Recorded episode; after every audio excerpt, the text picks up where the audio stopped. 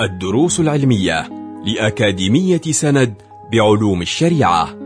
المرحلة الأولى شرح ميسر لمجموعة من المتون المختصرة تفيد المتلقي في دنياه وآخرته.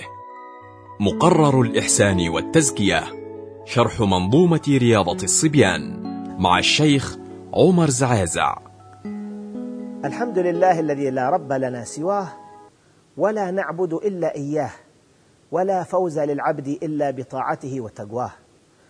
وصلى الله وسلم على سيدنا رسول الله وعلى آله وصحبه ومن اهتدى بهداه. أما بعد مواصلة لشرح منظومة رياضة الصبيان وصل بنا الناظم إلى تحذير الصبي من حب الدنيا المذمومة. فقال في ذلك أيضا بعد أن ذكر قبل هذا الأمر حث الصبي على التواضع بقوله ويلزموه كثرة التواضع وترك ما بدا له من طمع فإنه من أعظم الآفات حكيته نقلا عن الثقات واصل سرد التذكير بهذه الآداب إلى أن قال أيضا ومن حب الذهب والفضة يحذروه فهو أعظم آفة فهو أعظم آفة من السموم القاتلة حبهما فالرأي تحذير الصبي منهما. والمعنى كأن الناظم يقول يا أيها المربي ويا أيها المعلم ويا أيها الأب ويا أيها المرشد عد إلى أساس من أسس التربية وأصل من أصول التربية بأن تثبت في قلوب الناشئة التواضع لرب العالمين. وقبول الحق ممن صدر منه وإخراج الطمع المذموم من قلوب الناشئة وغرس وتثبيت الطمع المحمود. فإن الله سبحانه وتعالى أخبر أن هناك أهل الطمع في فضله سبحانه وتعالى وفي غفران الذنوب وفي ستر العيوب. قال الله عز وجل وأطمع أن يغفر وأطمع أن يغفر لي خطيئتي يوم الدين. إنا نطمع أن يغفر لنا ربنا خطايانا وما أكرهتنا عليه من السحر والله خير وأبقى. فبعد أن ذكر في هذه الأبيات حث الناشئة على التواضع وتحذيرهم من الطمع المذموم. وبالمقابل تعليق قلوبهم بالطمع المحمود وهو الطمع في كثرة ذكر الله سبحانه وتعالى والطمع في غفران الله سبحانه وتعالى للذنوب والستر للعيوب والطمع في نيل أو نيل العلوم النافعة الطمع في التوفيق للأعمال الصالحة الطمع في الترقي في المراتب الرافعة الطمع في المرافقة لأهل المراتب العالية الطمع في خدمة أهل الإرث للنبي صلى الله عليه وعلى آله وصحبه وسلم أرباب الأنوار الساطعة. يطمع المؤمن في أن ينال هذه المراتب وهذه المزايا. ويحذر من الطمع المذموم.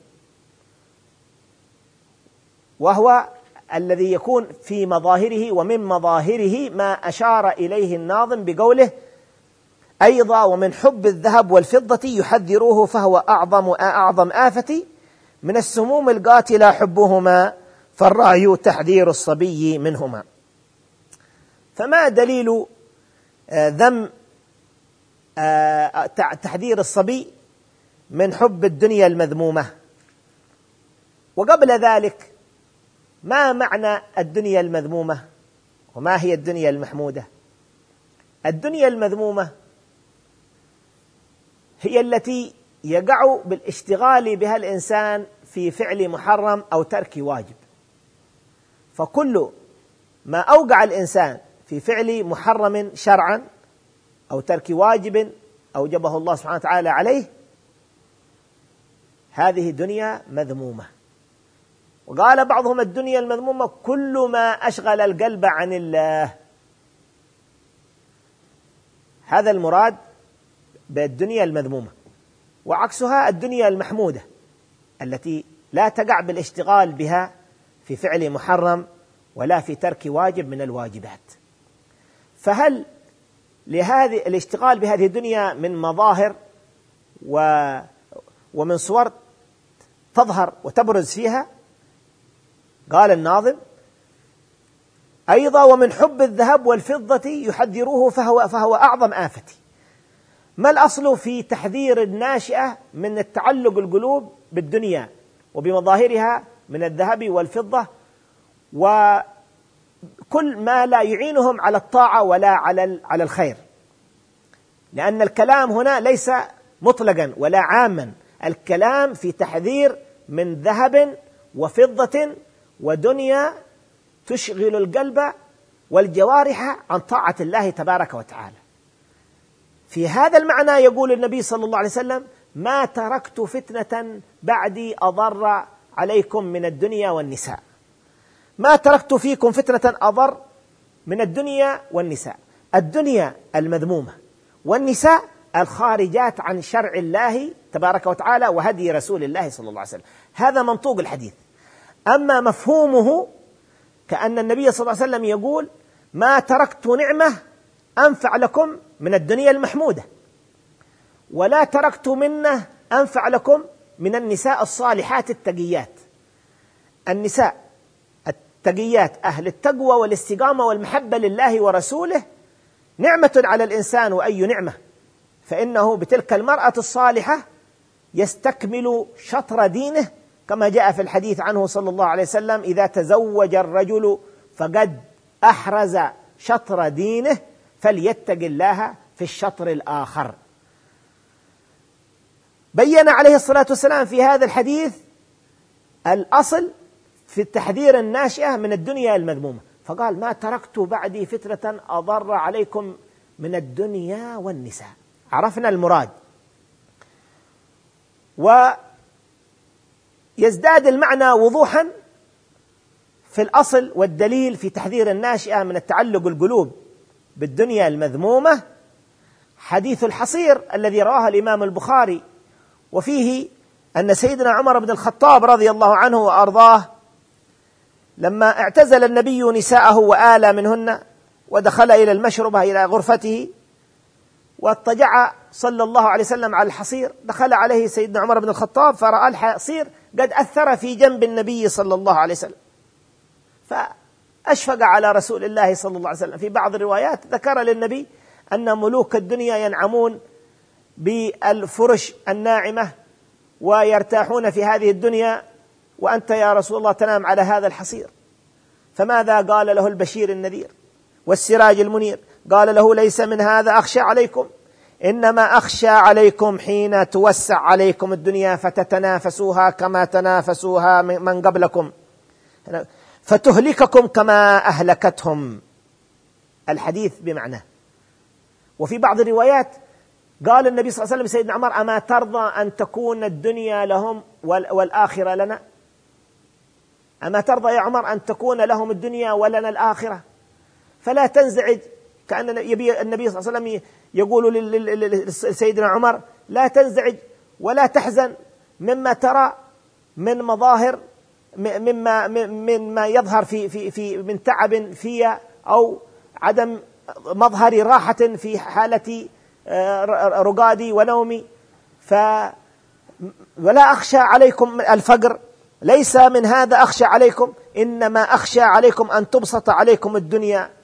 فلذلك قال القائل قال سيدنا الإمام الشافعي في الدنيا المذمومة ومن يذق الدنيا فإني طعمتها وسيق إلي عذبها وعذابها فلم أرها إلا غرورا وباطلا كما لاح في أفق الفلاة سرابها فإن تجتنبها وما هي إلا جيفة مستحيلة عليها كلاب همهن اجتذابها فإن تجتنبها عشت سلما لأهلها أو كنت سلما لأهلها وإن تجتذبها نازعتك كلابها نازعتك كلابها. هكذا يقول سيدنا الإمام محمد بن إدريس الشافعي في الدنيا المذمومة.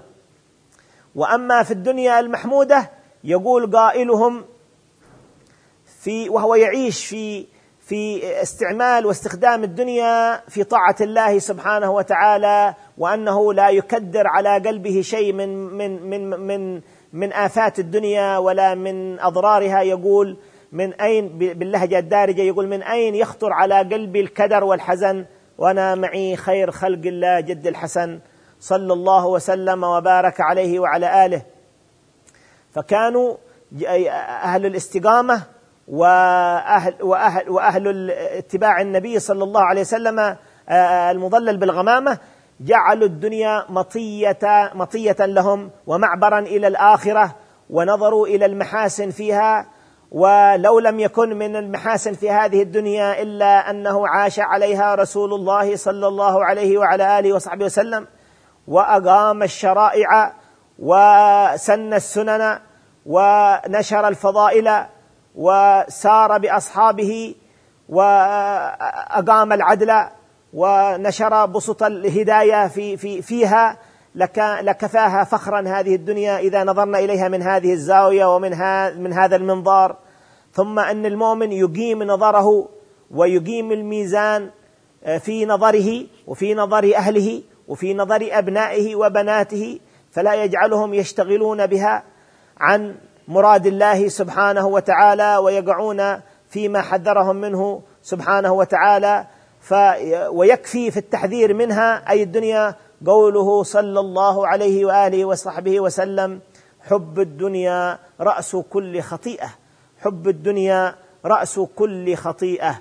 فإذا سلم المربي وسلم المعلم من تعلق القلب بهذه الدنيا استطاع أن ينزع محبتها من قلوب المتعلمين والناشئين واستطاع أن يؤسس لهم وأن يرسخ لهم القاعدة التي بينها رسول الله صلى الله عليه وسلم للسائل عندما قال آه، يا رسول الله أخبرني بعمل أو دلني على عمل إذا عملته أحبني الله وأحبني الناس. فأجابه عليه الصلاة والسلام أجاب ذلك السائل بقوله ازهد في الدنيا يحبك الله وازهد فيما عند الناس ازهد في الدنيا يحبك الله وازهد فيما عند الناس يحبك الناس. فجعل فجعل الفائدة الكبرى والمنحة العظمى من إخراج الدنيا المذمومة من القلب والزهد الحقيقي فيها أن ينال العبد محبة المولى سبحانه وتعالى والقرب منه جل جلاله وتعالى في علاه. أرانا الله سبحانه وتعالى وأبناءنا والمسلمين أجمعين الدنيا كما أراها عباده الصالحين.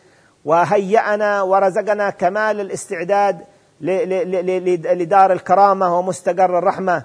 وجعلنا ننظر إلى هذه الدنيا كما قال قائلهم فيها وما هذه الدنيا بدار إقامة وما هي إلا كالطريق إلى الوطن. وما الدار إلا جنة لمن اتقى ونار لمن لم يتق الله فاسمعا. فيا ربي عاملنا بلطفك واكفنا بجودك واعصمنا من الزيغ والفتن ووفق وسدد واصلح الكل واهدنا لسنة خير الخلق والسيد الحسن وصلى الله على البشير النذير سيدنا محمد وآله وصحبه وسلم والحمد لله رب العالمين.